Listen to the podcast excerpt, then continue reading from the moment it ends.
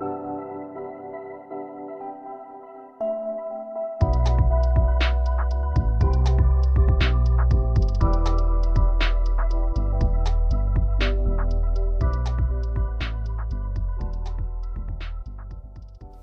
Já, velkomin í Rauðan Raunveruleika. Við ætlum að tala í dag við unga umhverfisina um, um, um umhverfismál.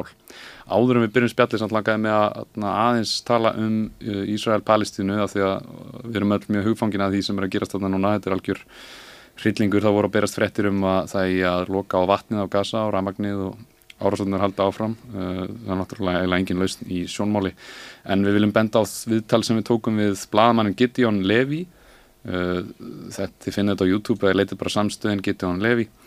Uh, hann er blagamæður sem hefur lengi verið að fylgjast með uh, Vesturbakkanum og Gaza-svæðinu og hvað er að gerast þarna og við mælum eindrið með því að hlusta á þetta viðtal til að fá svolítið samingi um hvað er að gerast þarna í dag. En í dag höfum við fengið umhverfisina til okkar og það eru þeir Finnur Ríkard Andrason og Snorri Hallgrímsson sem eru í stjórn unga umhverfisina. Velkomin í, á samstöðinu á Rauðan Rauðanleika Takk, takk fyrir ykkur senkaði nú aðeins eða þér finnur, þú varst á fundi með að vara, hvað, vara fórseta saminuð þjóðana? Já, það er hérna vara aðalrittari saminuð þjóðana heitir það víst. Uh, já, það var mjög áhugaður fundur og bara gaman að við gætum að sagt frá okkar starfsemi hérna í Íslandi og, og í losasbaróttunni og, og mannreitndabaróttunni og, og spurt hana spurningu, hún ætla að býra yfir mjög miklum, já, mjög, mjög mikillir þekkingu sem að, sem að getur gagnast okkur vel. Akkurat og því ungriðsinnir þeir, þeir eru ánað með öðna, Guterres, aðalritara samnið þjóðana og, og þetta fólk þannig þau eru allavega að standa sig príðarlega að segja rétt að lutina. Já, já, þú veist, þau allavega Antoni Guterres er ekki drættu við að, að segja hlutin eins og þau eru, hann, hann mm, bendir á það sem er að og, og það sem þarf að gerast Uh, og þannig að það, er ekki það er ekki þau sem eru að draga lappinir endila þannig að við erum alveg ánum með þau hvað það var þar Ég sá þú svona aðeins svona. Þau segja réttu hlutina Já. sem að er þeirra hlutverk en það er ekki alltaf nóg það segja bara réttu hlutina. Nákvæmlega. Kanski meira svona uh, í þeirri en praxis eða svona Sagt, uh, meira, það hefur að sagt að gert. Já, meira í tali og svona, uh, tala stórt en, en gera kannski ekki alveg. Ég menna þau tala stórt en það er það er þeirra að tala. Það er voða lítið sem að uh, lítið voða takkmarka framkvæmda allt sem samfinnið því að þetta hafa mm -hmm. og við sjá, ég með þetta tók til glæru um útblástur þar sem að sérst sem sagt góldvísýrings útblásturinn Uh, og hvernig hann hefur aukist. Og hérna sjáum við sagt, fyrir ykkur sem er að hlusta við sjáum koppræðstefnunar frá 1994 sem að, eh, þar sem að þjóðurna koma saman og ætla að finna sér eitthvað samkominlag til að draga úr útblæstri en við sjáum að útblæsturinn hefur bara aukist. Mm -hmm. þetta er mikið ávikið efni kannski fyrir þá sem ekki vita alveg nógu vel kannski að af hverju er þetta slæmt að koldvísýringurinn sé að aukast svona í andrúrslóttinu Sko ástæðan fyrir því að, losasbreytingar er eða þessi stað er vegna þess að það er uh, aukning í magni koldisýrings í andrúsloftinu. Uh, þessi aukning er vegna umsviða okkar samfélag, uh, sérstaklega okkar samfélag í vestrunulöndum sem að, eru með, með rosa mikla framleyslu og nýslu. Þannig að það eru jarðnælsneti, alls konar framleysleferðlar, landnótkun sem að valda því að, að stigi koldtjóksis í, í andrúsloftinu er að aukast. Mm -hmm. og þetta raskar rauninni einhverju ákveðinu sko jafnvægi sem hefur verið til staðar uh, undirforna miljónu ára uh, sem að þetta, þetta, þetta jafnvægi er það sem að vistkerfi jarðar hér og samfélag okkar þar með talin uh, byggja sína tilvur á það að sé ákveðin stöðuleik í uh, veðfari til lengri tíma mm -hmm. það gerur okkur kleift aðalega stað ákveðnum aðstæðum uh, við, við þekkjum hýtastig, við þekkjum áströma, við þekkjum hvaða plöntur við höfum aðgengið að fyrir fæð og, svo framvegist. Þannig að þessi stöðuleiki er það sem er gerir lífa og jörðinni kleft að vera til. Uh, þannig að þess vegna er þessi sko, uh, þessar mikla breytingar, losasbreytingar vegna uh, aukismaks koldioksæður í, í andarslóttinu svona stort vandamál. Mm. En nú sko, einmitt þegar ég verið að ræða þetta við svona, þá sem eru svona anti loslagsbreytingar, bara hætti bara hóks og jari jari, kom alltaf með, það er alltaf þau rauk farið fram að já þetta hefur alltaf verið svona Veð, veðri hefur alltaf verið að breytast og talað um ísöld og en, og það var nú heitar einu sinni já, var, var, var hlýra og, og jari jari en hver er munurinn núna versus þá, er það ekki bara hraðin á þessu því þetta mm -hmm. er mhm. gríðalegu hraði við erum að sjá jökla bráðuna það eru, það hefur til dæmis áhugjör af vírusum hérna sem að eru undir ísnum sem sagt á, á Antartika er það ekki bara hraðin þegar fólk er að koma með þessu rauk, já það hefur alltaf verið svona. Sko, það er eðlilegt á, á sko, jarðfræðilegum skala að, að lofslagi breyti staðis mm Mhm. bara það er ímsir, sko, ímsir náttúrulegar aðstöður uh, í hvernig plánundunar og, og er henni sólkerfið virkar uh, sem, sem veldur því að veist, það eru stundum ísaldur og stundum hlýra lofslag að Mhm. meðaltali. Uh, en það sem er allt allt öðruvísi við sko, þær breytingar sem er eigast stað í dag er uh, fyrst alveg eins og þú nefnir sko hraðin meira svona manngerðar Já og, og það sko hraðin hefur aldrei verið svona mikill áður. Mm -hmm. lofstæði hefur aldrei allavega, þú veist, við getum farið rosa langt aftur í tíman og, sem, og það sem við getum fundið gögn um þær breytingar sem hafa orðið í fortíðinni uh, og þær breytingar sem við erum að sjá núna eru bara margfald hla- hraðari heldur en alla þær breytingar sem við höfum séð í fortíðinni. Þannig að það er sko fyrsta ástæðin fyrir alvarleikan núna, það er uh, hraðin uh, en hinn ástæðin er umfangið. Við sjáum það og það er til gröf og graf sem heitir Keeling Curve eftir vísindamanni sem, að- sem heitir eitthvað Keeling. Og hún sýnir það mjög skýrt sko að, að hérna við vorum svo stabílt alltaf lengi og svo bara skutust við upp. Þannig að það er í rauninni sko umfangið hversu langt við erum að fara, hversu mikið hittastíð er að breytast. Þannig að það er bæði sko hraðin og umfangið sem veldur því að uh, við höfum ekki undan því að aðlægast þessum breytingum í rauninni. Og það er kannski Það er- erfitt fyrir, okkur, afsakið, erfitt fyrir okkur að hugsa um svona jarðsögulega hérna, tímaramma af því að þú veist það eru cirka tíðust ár síðan að landbúnaður byrjaði, mm Mhm. að manginni byrjaði að stunda landbúnað. En breytingarna sem við erum að sjá núna gerast, þetta er eitthvað sem að tekur 20 miljóna ára að gerast en ekki í náttúrulega ferli? Ættu að taka jú. Já, ættu, já. 10 miljóna eða miljóna 10 miljóna ára að gerast.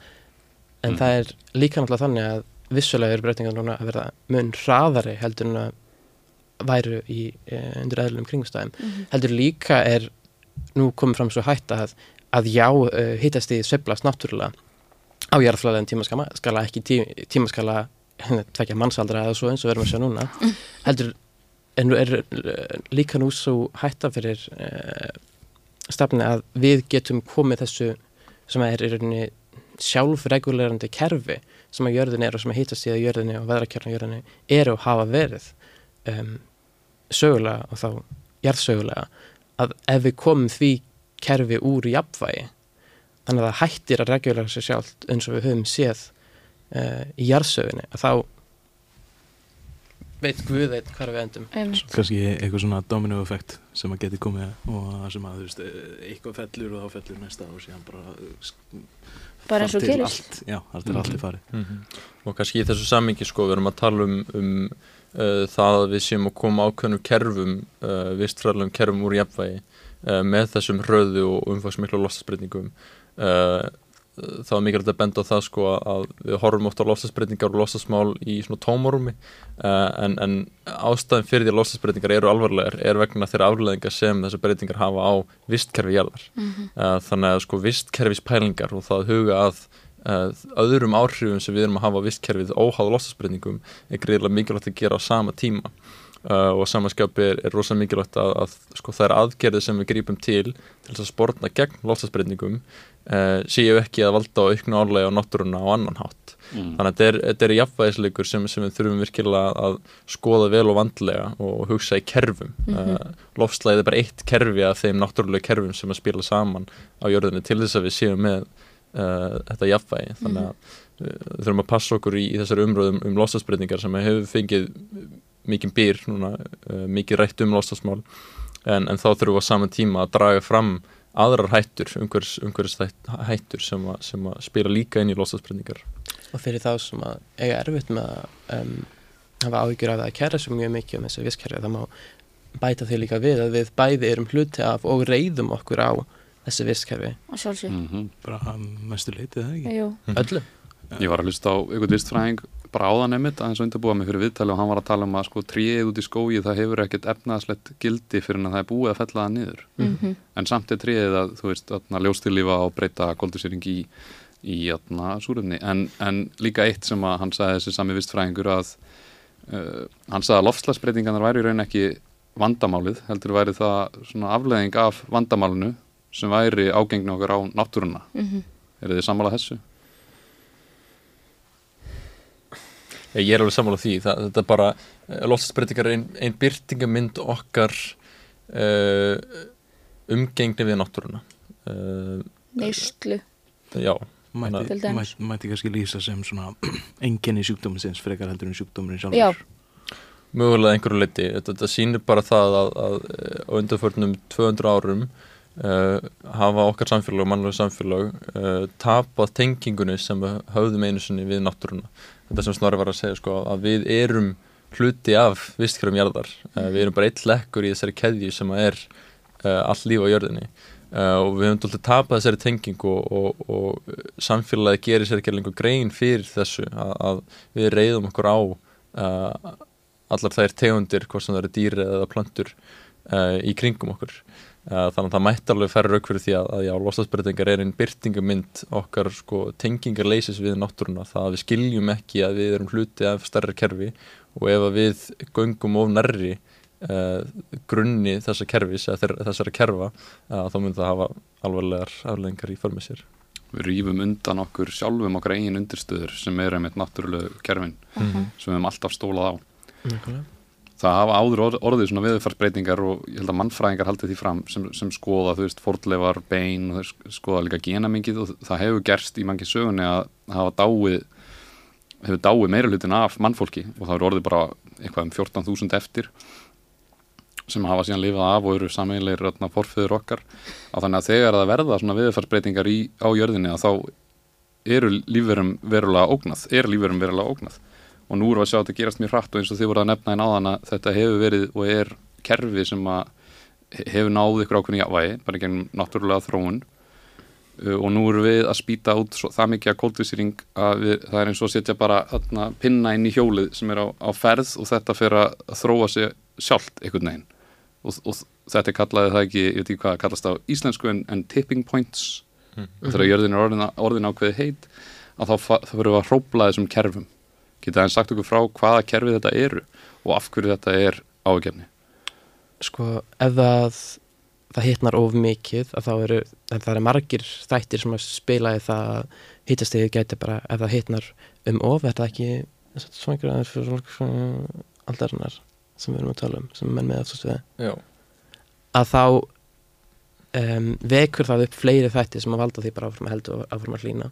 Það er þá að um, bæði fyrir heimskoti í, ísinn að, að bráðna og bara verður almennt minna af ís. Ísinn uh, hann varpar sólarljósi aftur út í geim sem að uh, veldur því að vinnur spor, spórnar gegn hittin jarðarinnar. Sömulegis er hætt á því að uh, þegar sífreinum fyrir að bráðna norður í Kanada, norður í Sýberi og svo framvegis að þá losnar þar úr læðingi sem er frosinu í jörð gríðar mikið af um, bæði koltísynningi já en líka metani sem er margfalt uh, svona mörg mjög potent já, Mm. uh, gróðurslóftægnd heldur en koltíoxid sjálft.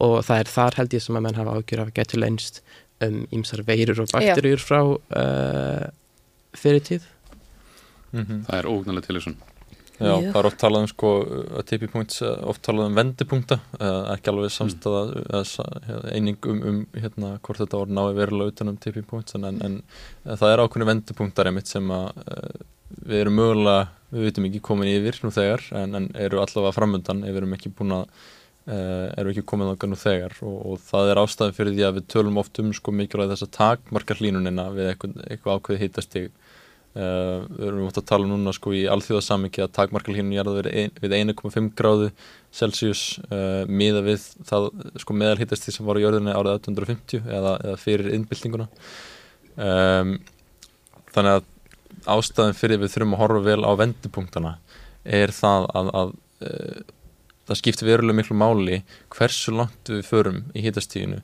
hversu mikil áhættu við erum að taka það kemur að þessu vendipunktum Uh, við tökum sem dæmi bara þannig að, þannig að fólk átti sig á því sko, hvaða vendipunta við erum að tala um uh, snorður hún náttúrulega nefndir jöklana og sífrana uh, og svo eru sko nú dýra og plöntutegundir líka sem að mun ekki ná aðlegast að, að þessum breyttu aðstæðum og rætt og tökum þá bara sem dæmi sko kóraldrifin. Það eru rannsóknir sem sína það að, að þau eru nú þegar í mjög mikill útrengmarhættu vegna þeirra hlínuna sem eru átt stað nú þegar og það er svona 1,1-1,2 gráður uh, Celsius meðan litast í jarða sem, sem hefur hækkað uh, frá innbyltingu uh, og það er talað um að ef við náum að takmarka hlýnun jarða við 1,5 gráðu uh, þá sem möguleiki að, að 1% um það bil af, af þessum koralrifum þessum tegundum, koraltegundum nái að, að lifa af. Uh, en ef við förum til dæmis bara halva gráðu til viðbótar halva gráðu til viðbótar upp í, upp í 2 gráður, 2 gráðu hlínun uh, þá er mjög ólíklegt að, að uh, einhverju tegundir kólrifa muni lifa af. Þannig að það eru svona sko vendupunktar sem við þurfum virkilega að hafa í huga og, og mikilvægt að benda á í samingi við sko samdrátt í losun. Þetta er ekki línuleg stegmögnun, uh, það er ekki þannig að við förum sko einu gráðu til viðbútar uh, þá muni afleðingarna verða sko tvísesunu verri, heldur getur þetta stegmagnast og, og afleðingarna orðið enn verri að því að einmitt út af þessum sko vendupunktum. Mhm. Ef við horfum á þetta út frá svona uh, mannlegri tækni eða svo leiðis uh, í gegnum senustu kannski 100-150 árin er ekki búið að vera markvist, veist, við erum á því tæknilega sviði að við ættum að geta verið með tölver sjálfbarari lausnir við eins og til dæmis uh, uh, neyslu venjum og svo leiðis er uh, að ykkar mati haldið því að þessi raunverulega uh, þetta vald sem að, sem að svona, hvað heitir það, þú veist svona oil og, og, og coal svona, Stóru jarðarna eldsnendisfyrirtækin já, uh, hafa, hal- haldið að hafi verið markvist verið að sporna gegn raunverulega rannsókn og uh, svona application á svona sjálfbarari kostum orkulegin. Má ég byrja á því bara að nótera það að það sjálfbörri framleiðsla á neysla er alls ekkert alltaf bundin við hærri eða flóknari eða betri tækni. Það er bara oft með lótæknlausnina sem eru mun sjálfbærari og betri fyrir, fyrir plantuna. Uh, Þannig er kannski ekki það að við þurfum einhverja nýja tækni heldur bara að breyta forgangsröðinni röðuninni. Ég meina, já, ég ætlaði nú ekki að vísa restina spurningunni frá, sko, en það er, uh, og ég ætla ekki að mæla heldur í gegn því að við höldum áfram að þróa tæknina og þróa uh, sjálfbærni tækna. Það, auðvitað þurfum við líka að gera það, en það er ekki það eina sem að hérna skiptir máli. Það er bara líka rosalega oft alveg saman hvað við erum að tala um að oft er einfaldasta laustin og laustin sem liggur beinast við og er beintur fram landlega á okkur, hvort sem við erum að tala um þetta eða eitthvað annað, er bara það sem við þurfum. Við erum yfirleitt með allt sem við þurfum fyrir fram á okkur og oft er bara svona einfaldasta svarið rétt á svarið. Það er Stund, ég held að við oft flækjum svolítið mikið gjarnan, að það, það vantar peninga í þetta, þetta kostar svo mikið og þetta og hitt og eins og þú segir, við erum al- alveg ábyggilega með öll tól til þess að sportna við þessu án þess að þurfa að þróa þannig séð eitthvað hátæknilegt. Og talandi um það og talandi um jarðarna eldsnendisfyrirtækin að, eins og Ólfur var að í að, að uh, hafa, þau ekki verið að beita sig gegn því að þessar upplýsingar komi í ljós og var ekki líka hægt einmitt að draga úr að því að ríki heimsins eru að styrkja jarðarnis eldsneti alveg um ég veit ekki hvað upphæðin er í, í, tótalt sko en þetta eru gríðarlegar upphæðir sem væri hægt að allavega byrja að taka niður. Mm Jú, það eru bara, bara rannsóknir, ofnbæri rannsóknir sem að sína fram á það að, að hérna, ákveðan jarðarfnæði eldsendis fyrirtæki og, og dólti mörg þeirra stór uh, voru á uh, síðustu öld og mögulega eitthvað á þessari öld líka. Uh, markvist að, að vinna gegn því að upplýsingar um uh, alvarleika, mögulega alvarleika lofslagsbreytinga uh, eruð ofnbæri upplýsingar þannig að uh, oljufyrirtæki, bandarísk oljufyrirtæki til dæmis uh, vissu af uh, möguleikunum að, að sko það að brenna jarðanelsendi gæti valdið lostasbreytingum Mhm. en þau unnu markvist að því að takmarka útbreyðslu þessari upplýsinga að því það var hagnaðurinn sem reði í rauninni. Það bara var gegn þeirra hagsmunum fjárhúslega hagsmunum að, að þessari upplýsingar myndu vera ofnbærar þannig að þetta er mjög alvarlegt að, að þetta skulle hafa verið gert og, og þó að það sé nú kannski ekki líklegt að það sé jafn, mikið af þessu í dag þá er upplýsinga óræðan bara öðru vísi það er ekki endilega verið að koma í veg fyrir að uh, fólk sko, trúi á losasbreytingar heldur að draga úr mikilvægi þess að takast á við losasbreytingar eða draga úr uh, alvarleika þeirra. Mm. uh, en, en því, að því vorum að tala um tæknina sko, þá, þá uh, þurfum við vissulega tekniframfæri til þess að leysa ákveðin vandamál sem tengjast lókstás og umhverfismálum. uh, en, en að því sögðu þá eins og þið voruð að nefna þá, þá er nú þegar fullt af tekni til sem við getum nýtt miklu betur heldur en við erum að gera í dag. Uh, og við þurfum líka að tryggja það að, að þegar við erum að nota tekni til þess að takast á við samfélagslega vandamál að tekni stuðlega því að, að mæta okkar grunnþörfum en ekki ganga lengri það að því að við tökum bara sem dæmi sko uh, rafbíla. Uh, ef við tökum ef við eigum rafbíl og notum rafbíl í staðin fyrir uh, bíl sem er gengur fyrir jarfnæðsniti þá jú, losar sá bíl vissulega ekkert kólumni uh, engan kóltisýring á meðan við notum hann. Uh, þannig að það er betra heldur en hefðbundari bíl en það tekur hann losar kannski jafn mikið í framleiðslu og hinn bílinn gerði og í förgun.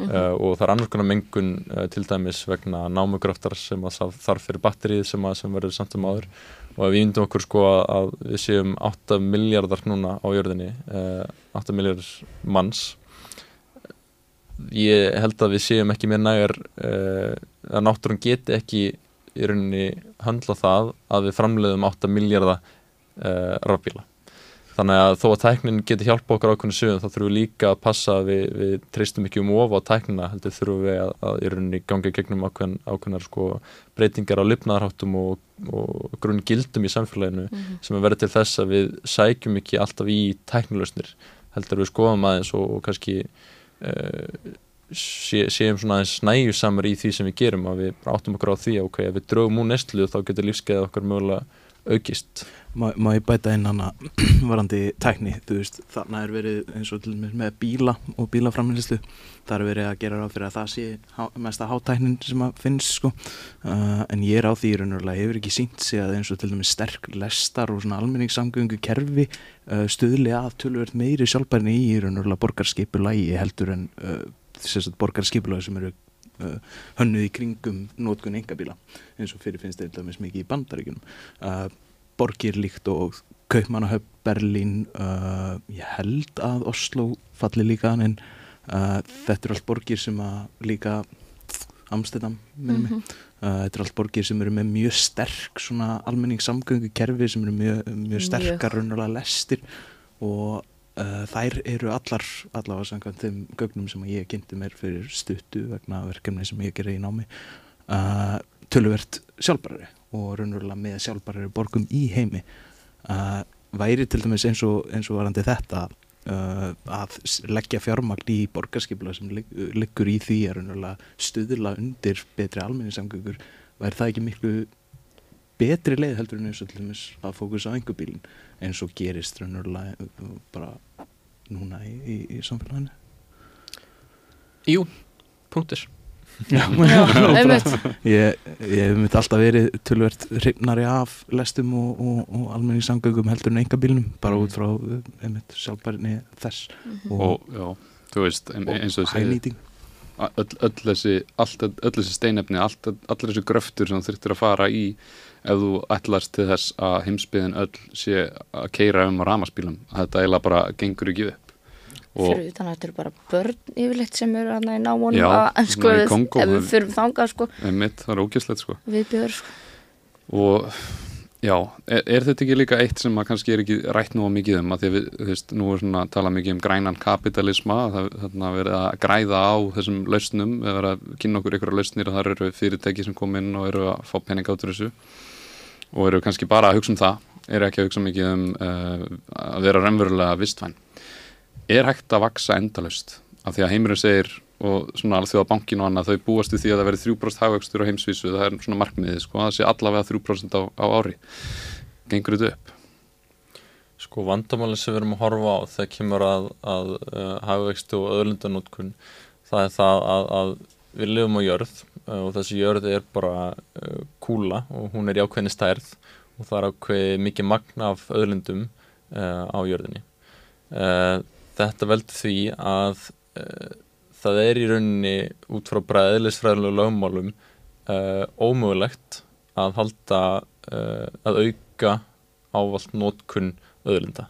Á einhverju tímapunkti munum við komast í gegnum allar þeirra öðlundir sem, að, sem að eru aðgengilegar okkur. Uh, þannig að við getum ekki uh, aukið öðlundanótkun að eilífu. það er bara Mhm. svo einfalt, það er bara við höfum bara ákveð mikið fyrir fram okkur ákveð mikið í sandkassanum sem við getum leikið okkur með. Uh, þannig að þar er spurningin sem, að, sem að þarf að svara. Um, það sem við höfum séð hinga til er að auðlundanótkun uh, og hafvöxtur haldist í hendur.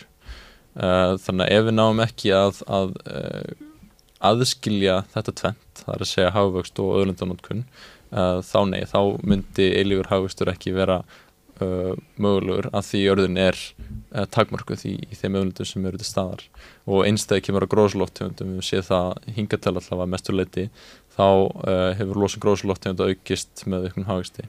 Þannig að það helst yfirleitt mjög mikið hendur og því leiti er mjög varhugavert að ef við finnum ekki út úr því hvernig við getum aftengt þess að tvo ströma að, halda áfram uh, vexti endalust Mhm. og, og hérna þú veist, í, í þessu samingi þá er ímsa lausnir uh, þá er uh, til dæmis ringrasa hagkerfi þar sem við getum nýtt í rauninni sögum öðlundunar aftur og aftur uh, og betur heldur við erum að gera núna þannig að í rauninni takmarkana þörfuna takmarka þörfuna fyrir uh, nýjar öðlundir uh, ráefni úr náttúrunni og nýta betur það sem nú þegar inn í hagkerfinu okkar inn í samfélaginu og hinum á endanum það sem að fyrir út úr hagkerfinu sem, sem er rauninni rusl að takmarka það líka. Þannig að við búum til sko aukna ringrás þar sem að öðlundina fari í ringi þannig að það er mjög mikilvægt skref í þessu líka. Mhm. Og við skulum líka átt okkur á því að, já, þú tala um uh, að alþjóðabankin miði við 3% vöxt. Og það hljóma flott ár frá ári en við skulum átt okkur á því að það er veldisvöxtur. Og á Mhm. næstu 100 árum þá er það næstu því 20 faldur vöxtur og næstu 200 árum um, meira eins og 370 faldur vöxtur. Mhm. sem bara ég, ég var ekki bara í símanum sko ég var Já, Eh, sem að og, getur það virkilega haldið áfram upp í endalösa ekki að takmarkaður í ég jörðu það. en, en svo er allavega við, kannski ykkur tíman ef við náum allavega að halda okkur á, ágætlega stöðugum og getum þróa tæknina áfram á þess að allt fara til fjandans að þá kannski komist út í game á endanum mm og þar er endalist eiginlega öð, öð, öðlindum sem við getum náði í úr, úr, stein, þarna games, úr smástyrnunum og, og lofsteinunum sem er hérna í kring og mögulega fært alla framleiðslu upp og svona en, en við vorum nú að tala um áður en fórum inn í stúdíu eða að það eru áformum að byggja hótel upp í game sem á að vera koma upp 2050. 2050 þannig að þetta er forgangsatriðin hjá svona elitu heimsins getur við sagt gróflega en eins og þú segir hann að fara út í game Hver, hverjum býr það? Mm -hmm. Það verður ekkert okkur hérna Sko. Ég, ég meit búin uh, til þess þyrftu við fyrst og fremst að geta að lifa af næstu hundra árin Mm. sem, sem bara, eða bara raunverulega allt lífríkja á jörunni einmitt og þetta heldur áfram svona og Er þetta ekki svolítið málið að við, við getum ekki vaksið endalaust á jörðinni, en kannski setna í, í, geimnum, en núna verðum við að taka okkur taki og, og na, draga úr þessum efnaðsumsvöfum allan eins og þau eru núna og nýta betur þær öðrundir sem við höfum. Og ég meina myndina sem er með tölur frá Oxfam og sýnir svona nattræna ójafræðið í þessu að því að þegar fólk er að tala um að að draga úr hægvexti, að, ef á næstum myndtak að þegar fólk er að draga, um- tala um að draga úr hægvexti að fólk sem að býr í Afríku, býr í atna, Indonésiu eða er í, í Suður Ameríku þar sem er sára fátækt að þetta hljómar auðvitað hryllilega fyrir þeim. En eins og sést hérna á þessari mynd fyrir ykkur sem er að hlusta að the top 1% efsta 1% á heiminum stjórnar 46% af uh, auði heimsins. Og þetta eru gamla tölur. Það er líklega búið að aukast aðeins. Mhm. þessu ójöfnur þannig að og oft er, oft er talað um þetta að uh, ef við draugum úr hafvegsti þá munum við, við halda fátækt en það þarf ekki endilega að vera rétt vill ég allavega að meina, það var áhugverð að heyra hvað ykkur finnst um það. Uh, ég vil spyrja ykkur bæði út í það en líka út í það að þurfu við svona neyslu samfélagi til þess að vera hamingsum er þið með skoðanir á því? við erum með sterkar skoðanir á því. Þetta er um, en þetta er sko þetta er rosa mikið spurningum og það sem að um, finnur komin á þannig sem við höfum oft talað fyrir um það sem að ennsku hægt decoupling þú þátt að decoupla eða kúpla hagvextin frá, frá velferð frá, og, og uh, frá hvað sé, fram, framþróun eða hvað sem að rétta íslenska hugtaki hérna er Mhm. Mm -hmm. vegna þess að að já, annars ef okkur tekst það ekki að þá er, er nánast e- eini alternativ að sætt okkur við það að það þurfi að vera þessi enda, enda þessi hafvöxtur í, í veldisvexti til þess að auka uh, lífsgæði fólks á jörðinni.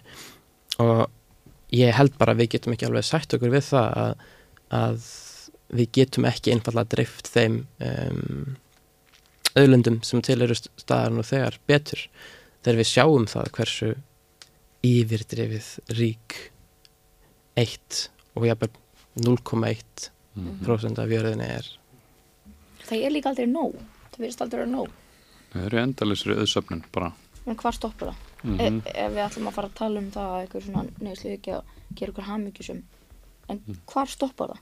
-hmm. Það hefur, hefur sínt sig að að, að meira, meiri auður og, og meiri raunverulega angangur að, að uh, hvað heitir það svona uh, neyslu Vörum vörum eða svo leiðis er ekkit er, er engin með neinn markviss tengsl við hamingi sko. alls ekki skiptir auð- auðvitað gríðarlega máli að fá fyrsta skóparið þú veist, að fá fyrstu úlpuna og, fá helbriðstjónustu og rafmagn og Það svona. það var það En- meira öryggi Já, en þú ég sért að heldur fara en 20.000 til útlanda á ári eða sért með þrjá bíla eða með þá náttúrulega er skápur. tekið út fyrir svona grunn sko. Það er frekar blóðut reyndar að segja frá því að ég er nokkuð viss um að helstu rannsóknir séu sammála um það að það sé frekar stert correlation millið þess hversu mikið auðátt og hversu hamingi sem þú ert.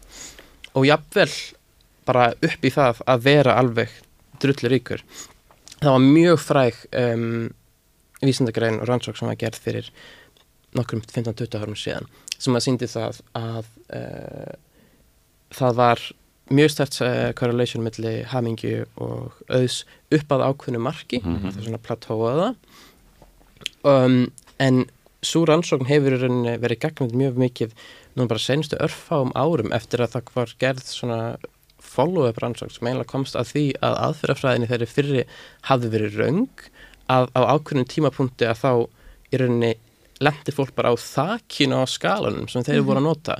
Og í rauninni að þá er mjög stert hvað er þetta að fyrir correlation? fylgi. Fylgni milli auðs og hamingju bara nánast upp í það endals upp í mjög í rauninni mjög mikilvæg það, mér finnst það mjög blóðugt Þetta eru nýja rannsóndir, af því að það allan í félagsálfræðinni var og, og, og þá, þá var alltaf að tala um það að þú veist rannsóndirna með við að þú verður meira hamingisamur þannig að þú ert komin í svona 70.000 dólara Já. á ári. Já, það og þá, sem þá verður, þú verður meira hamingisamur eða þú ert komin með 120.000 dólara á ári en það er ekki nærði eins dramatísk öðna, aukning á hamingi þegar þú komin yfir eitthvað nákvæðin punkt. Það er eru nýja rannsóndir það er þessi, það er þessi fyrir rannsók sem við vitni. Það er þessi 70 dólar að tala sem að hefur verið marg vitnið í. Þetta fór nokkuð hátt í fréttum fyrir ekkert með mörgum árum en mm ætli þetta varð ekki frekar meira öryggi. Ég get leift mér allt ég get keift allt, ég get leift börnunum mínum allt. En er það samt í raun ef við myndum fara eitthvað í einhvern hamingjuskala hversu hamingjusamur ert þú með sjálfa þig sem mannesku eða persónu? Hversu hamingjusum í raun og veru eru börnin? Hversu vel þekkir börnin einu sinni? Við sjáum allavega að í vestrana heiminum og þar er verið kvíði og þunglindi þetta er að aukast strátt fyrir að við séum í töl, öðna, uh, svona relativ velsnæktum hérna. Uh, hvað segir þú um þetta finnur? Þurfum við að þurfum við að, að, að, að lifa við svona mikil veraldleg gæði til þess að vera hamingsum Sko, ég myndi segja að ójöfnuður uh, er eitt af uh, sko, stærstu vandamálum þegar kemur umhverfsmálum og ég segja það vegna þess að uh, það sem að þarf til að við tökum, takmörkum áhrif okkar samfélag á umhverfið og lofslæðið er uh, er einn öryggið til þess að innlega þær lausnir sem við þurfum innlega uh, þau samfélag sem að hafa minnst milli handana í heiminum í dag uh, vilja auðvitað auka lífsgæði sinna íbúa. Mm -hmm. og til þess að gera það hafa þau aðganga mjög takmörkuðum lausnum. Og þær lausnir er fela oft í sér miklu losun gróslóttegunda og, og nótkun á, á ósjálfbara nótkun á öðlundum ef við erum að horfa til lengri tíma. Uh, þannig að uh, eins og staðan er í dag ef að sko þeim pening sem, væri, sem, sem er til í dag væri dreift betur og er meira til þeirra sem eru að reyna að vinna sig upp úr fátækt þá getum við á sama tíma dreigð úr heldar umhverfsáhrifum uh, okkar heims samfélags og ég sé þetta alltaf skýrt á loslastarástöfnu saminuð þjóðana sem ég fengi að sækja undir fyrir tvö ár að línundar liggja oft, ágreiningslínundar liggja oft sko milli uh, vestrandaríkja og þrónríkja þeirri sem hafa mest og þeirri sem hafa minnst. Og það er vegna þess að e, þau ríki sem hafa minnst vilja auðvitað meiri pening til þess að þau geti eh, ráðist í þar aðgerði sem, að, sem þarf til til þess að draga úr lósun gróðslótt uh, en á meðan eins og Ísland uh, og, og fleiri uh, gef ekki nægum pening, nægt fjármagn í þessar umbreyningar þá er mjög erfitt að breyta stöðinni þannig að ójöfnuður spila mjög mikið inn í, inn í umhverfsmál og, og lausnin við umhverfsmálum er að hluta til að draga úr ójöfnuði og þetta er annars sko alveg svo erum við að tala um mikilvæg þess að horfa á, á lífræðilega fjölbreytni og, og vistkerfi í samingi við, við losasbreytingar að þetta, tvent sé tengt. Og þau eru líka að horfa á það að umhverfs áskoranir eru tengt að samfélagslegum áskorunum. Og það má ekki aftengja þetta tvent heldur, þetta spilar allt saman saman. Og, og það er kannski líka einu áskorunum okkar er að hugsa meira í uh, svona kerfishugsun að, að öll þessi kerfi sem við horfum ofta á sem aðskilt kerfi tengist í rauninu mjög mikið mm -hmm. Þarna getur orðið allavega svona ákveðin uppvöxtur þó, þó að það tengist ekki aukinni öðlindanótkun en þá getur við, þú veist búið til ný, nýjar tegundir af landbúnaðakerfum sem eru vistvætni sem að hugsa meira einmitt í ykkur svona ringrásarferli getið þið frækt okkur aðeins um landbúnað ég er ekki vel inn í því en ég, maður veit að þetta stóra innvætta landbúnaðakerfi sem við erum með í dag er ekki sjálfbært uh, hvað er til ráða þar?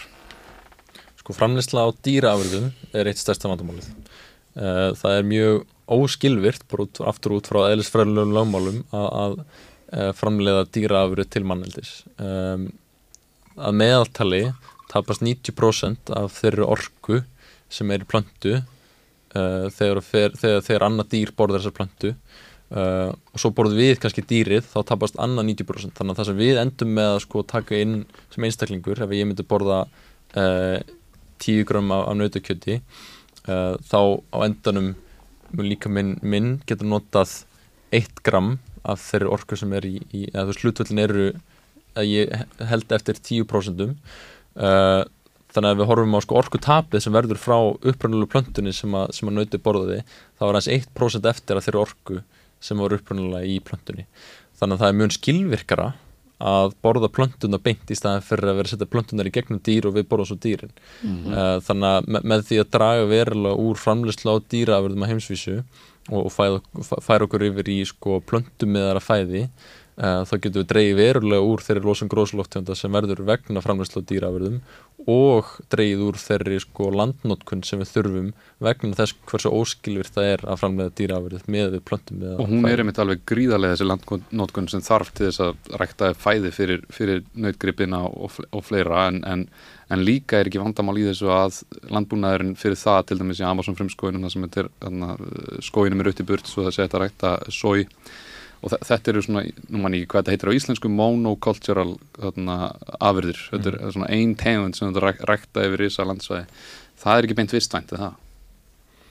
Neini, alls ekki það er bara, kemur í veg fyrir það sko og ástæðin fyrir þetta og við séum það bara mjög skýrt að, að, að það er mjög eðlilegt að þetta sé uh, slemt fyrir umhverfið, því að hvar sjáum við umhverfinu uh, stóra breyður af einni blöndu tegund það fyrirfyrst valla í náttúrunni mm. sem að gefa þetta kynna að það sé eitthvað uh, sem er ekki æskilegt við að gera þetta svona og, og, og það sem að gerist er að þú tekur stort landsvæði uh, og, og plantar sömu plöntunni á, á marga marga hektara, marga hundru hektara kannski um, þá ertu að taka sömu uh, næringarefnin úr moldinni aftur og aftur þú ert að draga úr uh, möguleika þessar svæðis til þess að takast á við einhverju utan að komandi hættu, til dæmis fellibíl eða elda eða, eða eitthvað fleira uh, og, og það er ástæðan fyrir því að vistkerfi, náttúrulega vistkerfi eru fjölbritt. Það er að fjölbrittni veitir þeim tækifæri til þess að aðlægast mismunandi óknum. Þannig að þetta er ein ástæðan fyrir því að, að það vera með svona stóra agra með, með einslöndum plöntum Uh, er ekki mjög gott. Uh, og svo náttúrulega það sem tengist þessu líka uh, til þess að sportna við um, þeir veikleika sem að þetta veldur það að þessi plantur séu þetta er sama plantar aftur og aftur, aftur það er mjög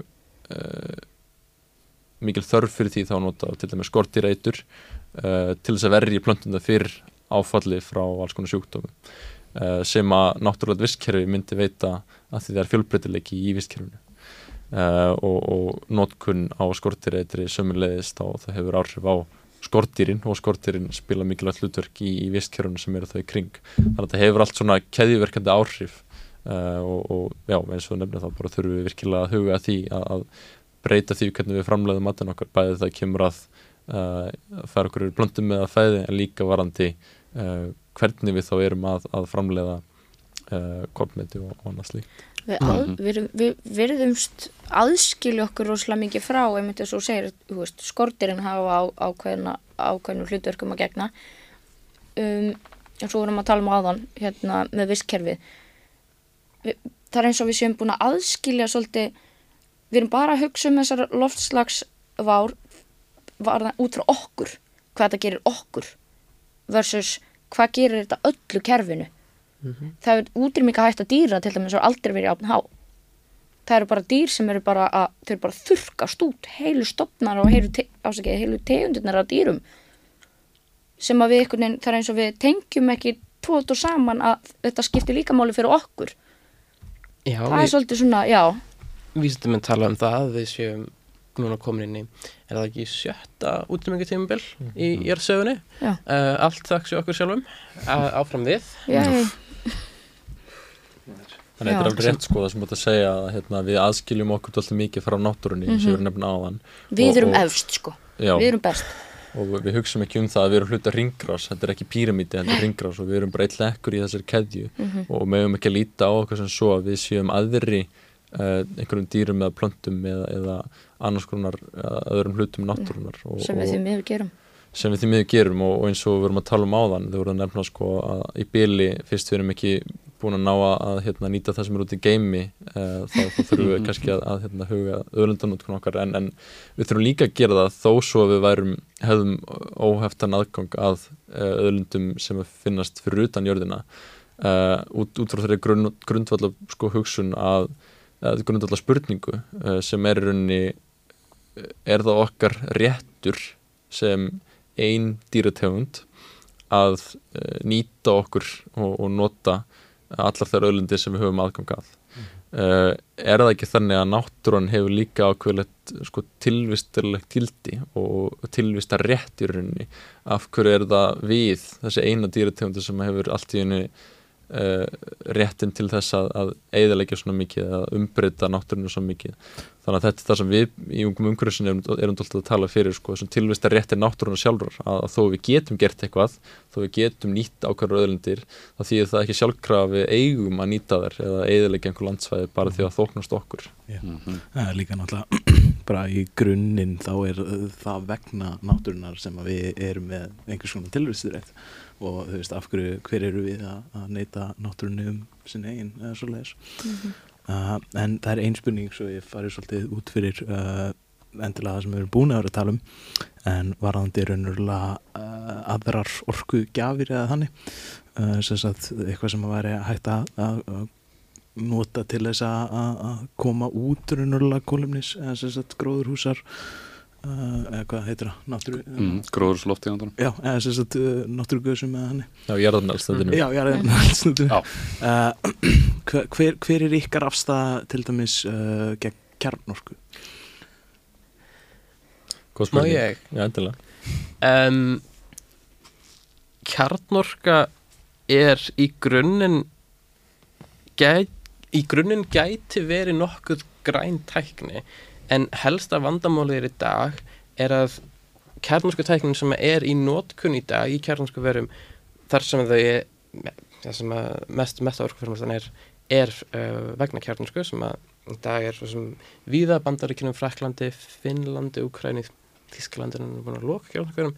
En að þau kjarnorkuver eru notast við tækni að upplægi frá sjötta, sjöunda áratöknum tækni sem er bara löngu úreld og er ekkert sérstaklega góð, er ekkert sérstaklega græn og býr til um, bara leiðilega mikið af mjög geislavirkum úrgangi Úrgangi, já. og við skulum ekki glemma því að já, menn tala um þennan kjarnaúrgang sem er eitthvað svona grænt ógeð sem fer í tunnu í sem þetta eða eitthvað og þarf þarf að farga en það er náttúrulega í rauninni miklu miklu meira en það sem að verður við svona end of life kjarnaversins að úrgangi að allt, öll umgjörðin, alla byggingarnar allt sem hefur komið að eða ákveði nálægt um, kjarnofnunum er geislavirkt upp að því vakt magni að vera hættulegur úrgangur í rauninni. Og ef að kjarnorsk ef, ef að við hefðum eða ef við þróum áfram kjarnorsku tæknina að þá hefur það þann möguleika að verða mjög græn orkulönd en hún er það ekki í dag Áttu, áttu þá við um, það er hefur séð uh, sagt, raugrænu um uh, fission og fusion. Uh, það sem að fission er raunverulega það sem að hefur verið notað hinga til en fusion er raunverulega tækni sem hægt væri að þróa en hefur ekki náð að þróa. Það er ekki það sem ég er að tala um en ef, þú, ef þér tekst vissulega að Þróa. búa til fusion kjarnofn að þá hefur þú líklega uh, leist vandamáli reyndar það var, fór nokkuð hátt fyrir ekkert svo löngu að mönnum tókst í tilraunarskinni í fyrsta skipti að valda uh, fission sem er kjarnasamrunni held ég. Já, kjarna þess að kjarna samrunni eða ekki Eh, fusion. Fusion er kjarna samrunni en það er það sem við erum að tala um hérna. Uh, fission er, er uh, Klofningur. sundrun. Já, já. er að í fyrsta skipti tilraunarskinni tókst mönnum að við erum fá uh, meira í orku út heldur en að setja inn til þess að koma slíku um, tölum ekki um efnakörf uh, í þessu samingi þeir, þeir fengu út meiri þeir fengu út orku á því að halda ferlinu gangandi Já. í fyrsta skipti. Já, meiri fyrir- heldur en að setja inn til þess, að, að halda ferlinu í, í gangi. Sem að veitir ákveðna vonir um að það gæti gæt verið ákveðin framtíðar orkulund en ég held að það sé Er þetta ekki um að snert á rosalega mikilvæga atriða því að í raun, þú veist, væri hægt í dag að taka alla styrkina af jarðarna eldsnitinu og kannski veita skatta afslátta til grænni orku eins og mm. vindorku og sólarsellum Mhm. en gæt, gæti þetta gengið upp? Gætu við skipt út jarðarna eldsnitinu fyrir vindorku og sólar? Sko það sem við þurfum að huga til vel að er uh, að það eru kostur og gallar við all orkunótkun uh, hvað, hvað orkgjáðu svo sem við veljum okkur þá eru alltaf kostur og gallar uh, jarðunælstandi hefur sína kosti það er mjög auðvelt að nota það það er mjög sko uh, mikil orka sem er í mjög lítlu magni uh, er auðvelt að ferðast með og svo framvegis. Uh, en auðvitað eru neikvæðar aflengar fyrir, fyrir vistkerfi og fyrir lofslæð uh, alveg eins með kjarnorku. Mjög mikil orka í mjög litlu magni en, en þú færð út mjög geislavirkan úrgang sem að við vitum í rauninni ekki mjög vel hvað við erum að gera við. Um, saman að segja um, um, um hérna, vindorku. Uh, já, þetta er orka vissulega sem er mikið af á ákveðnu svæðum uh, og við eigum tæknina til að fanga þessu orku. En að samanskapið þá krefst þessi orka uh, þess að við sækjum þá málma og, og önnur efni sem þurfa í að byggja turbínunar uh, til að byrja með. Uh, svo þurfa að finna svæði uh, til að setja upp turbínunar og, og þessi svæði eru þá, þeim er raskað það vistkerfin sem voru þá fyrir á þessum svæðum þeim er raskað varanlega. Uh, og svo uh, hafa þessar vindturbínur bara ákveðin lífstíma og hvað á að gera við uh, alla þessar málma og, plast og svo framvegis við enda líftíma þessar turbína. Uh, það er stort vandamál sem við hefum ekki anþá leist og og saman vandamál gildir rauninni fyrir uh, sólaraflöðu líka. Það er mjög mikið af alls konar málmum og, og öðrum efnum sem að þarf til þess að framleiða uh, þessar sólarsellur eða sólaraflöður uh, og, við enda þegar það sko lífstíma þessar raflaða þá vitum við ekki endilega hva, hvernig við getum endur nýtt að endur nota öll þau efni. Þannig að það sem er gildir þegar, þegar orkunótkun út frá umhverfisjónum er alltaf hvernig getum við takmarkað orkuþörfuna eins mikið hægt er. Það á að vera fyrstu spurningin okkar hvernig getum við takmarkað okkar þörf sem samfélag uh, fyrir orku? Uh, og svo næsta spurninga þá að vera hvað orkugjafi er uh, sá orkugjafi sem að veldur minnstum neikvæðum einhverjum og, og þá bara þurfum við að fara í það að greina og, og það er heldur ekki hægt að alhefa sko fyrir allan heiminn. Að því að á sömu stöðum er einhver ákveðin orkugjafi miklu heppilegri og hefur kannski minni umhvers áhrif heldur en öðrum stað. Þannig að það þarf alltaf að horfa þetta líka sko í, í ákveðinu samengi við það svæði sem er verið að hugsa um að því að það gildir ekki endilega það sama fyrir Ísland og það sem að gildir fyrir, fyrir Kína Akkurat það, einmitt uh, Þetta er flókið. Já, þetta er búst, Mjög. en núna er það ekki þannig að þú veist, út af útblæstrinum og þá er þetta algjörlega bara uh, akjút, gríðarlega alvarlegt mikilvægt að við náum að draga úr útblæstri þannig að fórgangsröðunin ætti að vera þó að það séu ákveðin umhverfisspjöld af vindorkuverum eða hvað er eða kjarnorkuverunum og nýju sérstaklega það er ennþá úrgangur og það er áætta í þeim.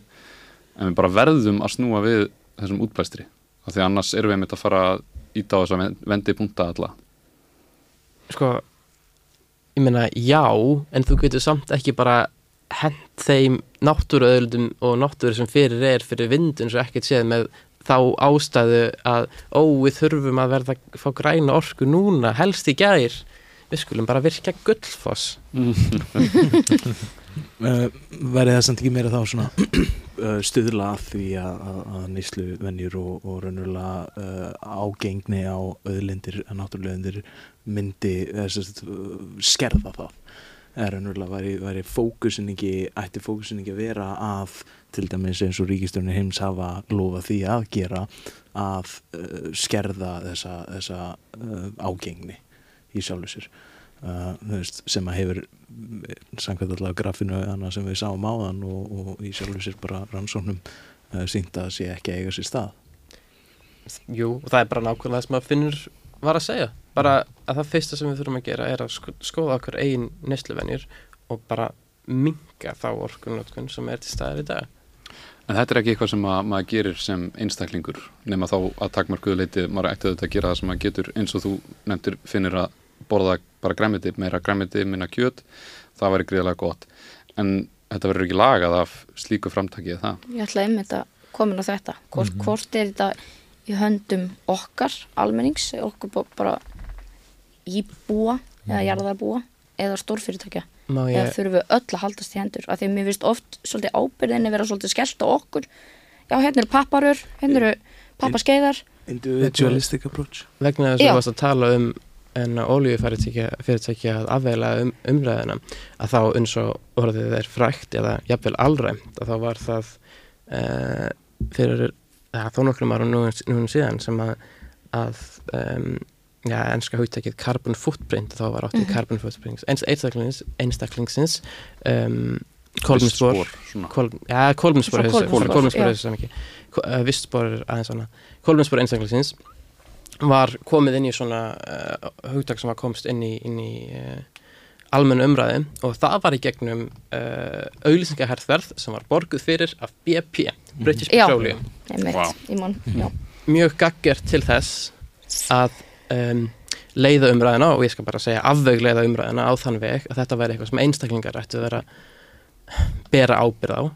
Það er einmitt það sem ég fyrst mestuleiti er bara kæftæði, ég menna auðvitað eiga menn að gera það sem er geta og leggja sér þetta mörgum en sko stærsta, stærsta ábyrgin lögur það þeim sem hafa stærsta valdið mm -hmm. til þess að breyta hlutinu og það er ekki þú veist, það, það er ekki Jón, þú, það er sko. sér á Jón. Já, já einmitt. Uh, Svona, hvað heitir það? þetta er, það er svolítið verið að raunverulega taka einmitt þetta svona individualistic approach. Þetta er, þetta er svona verið að raunverulega reyna að skella skömminni á þá sem eru uh, ekki, þú veist, ef þú myndir taka alla neyslu ég er að búa úr svona individualistic neyslu ég er að búa og saman upp myndi hún einu sem ná marginal procentu af því sem að er í raun á ábyrð stórfyrirtækja og oft ríkja mm -hmm. Já það er mjög góð spurning sko og það sem að ég held að sé mjög mikilvægt í þessu líka er, er auðvitað að uh, stórfyrirtæki og sérstaklega ólífyrirtæki hafa verið að reyna að skella ábyrðin á einstaklinga mm -hmm. einstaklingarinn að sko uh, neytendunir beri ábyrðað því sem þeir neyta en svo þurfum bara að horfa á þann veruleika sko að, að uh, við sem einstaklingar höfum bara ákveðið mikið vald mm -hmm. uh, sem einstaklingur og okkar vali takmarkað því sem er fyrir framann okkur. Og það sem er fyrir framann okkur er ákveðið að því hvernig samfélagskerfið mm -hmm. er. Uh, þannig að kerfisbreytingar er það sem við þurfum að vera að horfa í, í miklu meira mæli. Þannig að jú þó að það sko stuðli að breytingum að, að við sem einstaklingar uh, borðum meira plöntum með að fæði þá er það í rauninni miklu skilvirkara og, og nærfram miklu hraðari og stærri og jákvæðari breytingum ef þú breytir styrki kerfi landbúnarins þannig að þú gefur, frel, sko, gefur bændum ekki frelsi til þess að mhm. framleiða júrta með þar að fæði. Uh, en, en svo er auðvitað rosalega mikilvægt að við séum ekki að horfa á þetta sem sko við og þau að setja að búið til tvær fylkingar. Uh, auðvitað er ábyrð meðal okkar einstaklingar líka, það eru margir einstaklingar sem að uh, gera sér enga grein fyrir mikilvægi þess að, að draga úr uh, losun gróðsloft þannig að auðvitað berum við einhverju ábyrð sem einstaklingar og bara sem sko samfélagsstegar að takmarka, reyna að takmarka okkar áhrif upp að vissu marki. Uh, en mesta ábyrðin eins og Snorri var að nefna liggur hjá þeim sem hafa mestu völdin. Mm -hmm. og það er það stjórnvöld. Og stjórnvöld er, er sko sá hópur fólk sem við höfum veitt vald til þess að stýra samfélaginu til þess að leysa samfélagslegu uh, vandamálun okkar. Mm -hmm. og, og, og við þurfum að geta treyst á þau sem við höfum fært völdin til þess að takast á þessi, þessi, þessi vandamál Uh, og svo eru valdhafar sem við nefnum ofta ekki og það eru fyrirtæki. Og, og mm. oft er talað um, þú veist, er þetta einstaklingar eða uh, hérna, uh, stjórnvöld? En fyrirtækin bera miklu ábyrð hérna líka því fyrirtækina hafa valdið til þess að breyta því hvernig þau framleiða sína vörur, breyta mm því hvernig vörunar eru hversu, hvernig umbúðir vörunar eru pakkaðar. Hvernig eru fluttar. Hvernig eru fluttar og svo framvist mm þannig að sko val okkar einstaklingana er mjög takmarkað og, og það ræðst að því hvernig stjórnvöld og fyrirtæki uh, búa til þau kerfi sem við búum innan. Þannig að mesta ábyrgin liggur vissulega á þeim. Mm -hmm. og svolítið svona kannski með langar að taka hérna í lokinn síðustu umræðina því að þú veist á síðustu kopp ráðstefnu og þar var stæðsti einstaki hagsmunahópurinn voru lobbyistar hagsmuna aðilar frá jarðarnæðilsneitis fyrirtækjanum þannig að sem ungri umhverju sinnar kannski ekki beint sem ykkar samtök en bara við ung fólk, fólk almennt sem er umhverju sinnað hverja rætti að vera svona aðal áherslur okkar og kröfur? Hvar eigum við að setja fókusin til þess að ná árangri í baratunni Sko um, þú sendi grafið áðan hérna varandi aukningu í losun milli ára og, og í samengi við sko hvenar lofstafsrastumir saminuð þjóðan hafi verið haldnar uh, þá er því oft haldið fram að, að þessar rastumir séu ekki til eins um, þessar ástöndur eru mikilvægur uh, og það er vegna þess að þetta er eini vettangurinn þar sem við höfum einhvers konar samtal, alþjóðlegt samtal millir aldra landa uh, og við höfum komið okkur saman um samíla markmið uh, og við erum að reyna að finna út í hvernig við getum aukið þrýstingin til þess að standa við þessi markmið. Uh, þannig að þó að við séum ekki að ná sko, nærðin og miklum árangurinn og rætt uh, þá getum við ekki gert neitt án þessa vettangs í rauninni. Uh, eða þessi vettangar allavega gerur kleift að gera miklu meira heldur við myndum annars gera Uh, við erum með Parísasáttmálan uh, þó að, að uh, losun sé ennþá aukast á heimsvísu þá er hann aukast miklu hægar heldur en fyrir Parísasáttmálan þannig að þessar ástunir eru að hafa jákvæð áhrif en vissulega er það áhugjefni að við séum ekki að færast nú rætt og, og þess vegna er mikilvægt að við veljum okkur eins og þú ert að segja sko, við veljum okkur einhver áherslatriði sem, sem eru mikilvægast að við náum ánugur í sem fyrst. Og það sem við hefum alltaf verið að tala fyrir er að, að Ísland takið sér í rauninu stærra leiðtól hlutverk á þessum vettvangi.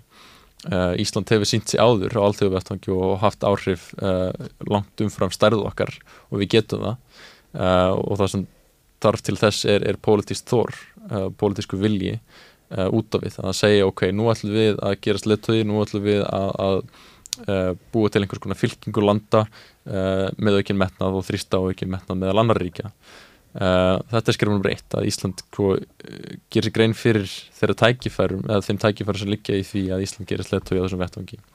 Uh, það sem þarf að fylgja þessu hins vegar er það að, að við ráðast í mjög róttækari aðgerðir hér heima fyrir. Mm -hmm. það er mjög erfitt að vera leðtói á heimsvísu þegar við erum að standa okkur ítla hérna heima. Mm þannig að við þurfum virkilega að herða samdráttur losun á Íslandi. Uh, og það er vissulega í gangi núna uh, vinna uh, stjórnvalda við uppferða aðgerða állin í, í lostasmálum en eins og er þá er ekki nægt fjármagn í málufloknum við erum ekki að ná nægilega miklu samdrætti, bara langt í frá. Þannig að það, við þurfum að taka okkur verulega á hérna heima fyrir og, og við bara þurfum að sjá hvað kemur út af þessari vinnu sem við höfum ekki fengið að koma nú vel að heldur. Um, Ég bæta við kannski þrátt fyrir lofórð þeirra stjórnvalda sem eru við, við, við, uh, við stjórnsýtlu núna það hafa verið í fortíðinu mjög stór lofvort uh, sem eru núna bara ekki búið að vera framfylgja og, og, og. Og nú, þannig er raun það sem þér að segja við þurftum ríkistjórn sem, sem myndi á allþjóðlegu sviði vilja lýsa yfir neðar ástandi í lofslagsmálum mm. myndi ekki taka til það að það er neðar ástand við erum á brúninni mm -hmm. ef við höldum svona áfram og þá verða bara út, útaldar hör, hörmungar en við þurfum klárlega einmitt að hafa eitthvað á bakvið það að vera leitt og í þessu að standa við okkar eigin að gera ráallanir Við höfum alltaf að sína fordæmi og eitthvað nátt sko. akkurat það, einmitt og svo, svo kannski bara sko, öskra það að það verður að draga úr útblæstir og þessi fyrirtæki af því það er þannig núna mörg þessi stóru jarðarna elstendis fyrirtæki voru búin að gefa fullt af lofórðum um samdrátt sem þau ætlaði að efna en eru síðan hafa ákveðið að bara ætla ekki að efna. Árið síðar, setja miljardana miljardana í fjárfestingar á nýjum, nýri ólíuleit og, og þarna það er bara verið að grafa undan öllum forsendum til lífanslegs lífs á jörðinni. Þannig að þetta er það sem við þurfum að gera. Við þurfum að krefjast þess að stjórnvöldin okkar gera eitthvað að viti í þessum málum hérna heima og krefjast þess sama út í umheiminum og ekki að leifa þessum fyrirtækjum að komast upp með að ljúa endalaust, ganga bak orð, orða sinna og, atna, og lofa síðan aftur sömur hlutum þetta er galið Það sem er líka, hérna, ef við viljum koma aðeins hérna, jákvæður tónin í þetta að, hérna, uh, nýjasta skýrsla millir ekki nefnda saminuð þjóðan um, um loslasbreytingar, það vísinda, það sá vísinda hópur sem að, sem að uh, er uh, virtur í dag til þess að veita okkur upplýsingar um, um stöðu loslasmál og, og hvað við þurfum að gera. Bent okkur á það í nýjastu skýrslu sinni að, að við getum ennþá takmarkaðar alveglegustu afleðingarnar. Uh, og við þurfum að muna það uh, það er ennþá tækifæri þó tækifæri, -hmm. þó, þó sko rammin sem við höfum sem mjög þröngur uh, kluggin er að lokast, þá er hann til staðar þannig að við þurfum að, að svona hanga okkur í það, já, veist, við höfum ennþá tækifæri til þess að takmarka verstu afleggingarnar og, og hvað fælst í því að takmarka verstu afleggingarnar jú, það eru tækifæri. Það eru tækifæri til að skapa betra samfélag. Uh, nánast allar þær breytingar sem við þurfum að ráðast í til að draga úr losun uh, gróðsulóttegunda og draga úr neikvæðum áhrif á, á lífræðilega fjölbreytni munum bæta samfélagið í leiðinni. Þannig að uh, þó svo að loftsatsbreytinga verði ekki til þá verður það samt til bóta fyrir samfélagið að ráðast í allar þess aðgerðir. Þannig að það er eitthvað sem við þurfum að hafa í huga líka að, að það eru tækverð sem félast í því að sportna gegn þessum áskorunum bæði til þess að bæta samfélagið en, en líka ef við erum hugsað út frá bara sko hagfræðin út frá hagkvæmni sjónamiðum það var miklu ódýra fyrir okkur bæði sem fyrirtæki og, og, og sem samfélagi heildina þjóðhagslega hagkvæmt að ráðast í hraðari og róttækjari aðgerði í dag heldur hann að kostar að takast á við afleggingarnir í framtíðinni þannig út frá öllum sjónamiðum hvort sem þú sko horf út frá umhverfsmálum út frá samfélagssjónamiðum eða efnaðsjónamiðum uh, þá borgar þessi alltaf að, að grípa til róttækjari og hraðari aðgerði í dag. Heyri, heyri, þetta er gríðarlega mikils að vinna framtíðin getur verið ótrúlega björt. Uh, hvernig tekum maður þátt í starfi ungra umhverju sinna, er þetta skrási á síðan ykkar eða ekki? Og, og vil ég koma því áleiðis hvernig, maður, hvernig fólk getur tekið þátt í starfi ungra umhverju sinna Þetta vil ég koma því áleiðis. Finnum við ekki? Já, við bara, við, við getum ekki gert neitt án þeirra meðlema sem, að, sem eru ykkur félagi, við höfum uh, nýlega náð þeim skemmtilega áfanga að, að við erum komin upp í uh, 1500 meðlemi uh, sem við erum mjög þakklátt fyrir og, og allt okkar starfirunni byggir á, á þeirra sjálfbúðarlega vinnu. Við erum náttúrulega, við, við snorra erum í stjórninni en undir stjórninni eru fjórar virkar nefndir, nefnd um lostasmál, nefnd um náttúruvend, nefnd um ringarsahagkerfið og nefnd um, um miðlun og ferðslu uh, og, og uh, í rauninu all okkar starf sem ástæðan fyrir því að við getum verið svona virk er, er að við erum með fullt fullt af félögum sem að standa við baki okkur sem hafa gríðlega þekkingu og reynslu. Um, en það sem við þurfum líka er bara fleira fólk, fleiri hendur og, og hvetjum öll þau til þess að taka þátt sem hafa áhuga. Uh, og, og þegar ég byrjaði þá hefði ég ekkert rosa mikla reynslu eða rosa mikla þekkingu umhverfismálum og það bara fyrir tveimur og hálfu ári og ég hef lært rosalega mikið að því að vera í samtökunum þannig að uh, fólki finnst oft, oft kannski erfitt að stíga fyrstu skrefin uh, að því þið finnst það ekki hafa mikla þekkingu eða reynslu. En, en það eiga öll uh, klórlega ploss í, í samtökunum okkar og bara við tökum glöðu móti öllum þeim sem að hafa áhuga. Mm -hmm. Það er sem sagt umhverfisinnar.is websíðan okkar, fólk getur skráðið sér þar eða þeir áhuga, kostar ekki neitt. Um, sem og bara fundið okkur á samfélagsmeilum, ungir umhverfisinnar og við vissulega gerum hitt og þetta til þess að reyna að hafa áhrif í samfélaginu og fólk má endilega vera með þar en við höldum líka bara uh, viðburði fólk til skemmt, skemmtunar með vonandi samhuga fólki og allir vel, líka velkomnir þar. Klæslegt, við tökum myndir, það eru nú, eru sumi sálfræðingar sem að vilja meina sko að þáttaka í félagastarfi fylli inn í allan þarfa píramíta Maslow og er bara leiðin til sjálfs svona uh, actualization, þannig að við, við kveitjum fólk til þess að gera þetta og það er líka alvarlegt vandamál í lofstafsmálum í umhverfismálum sem þarf að taka á og það er mikils að vinna. Finnur Ríkard Andrason og Snorri Hallgrímsson ungir umhverfisinnar, takk hjá fyrir og þið áhrindur og hlustundur, takk hjá fyrir. E, frábæran dag, berjumst fyrir betri jörð, fyrir betra lífi. Það er mikils að vinna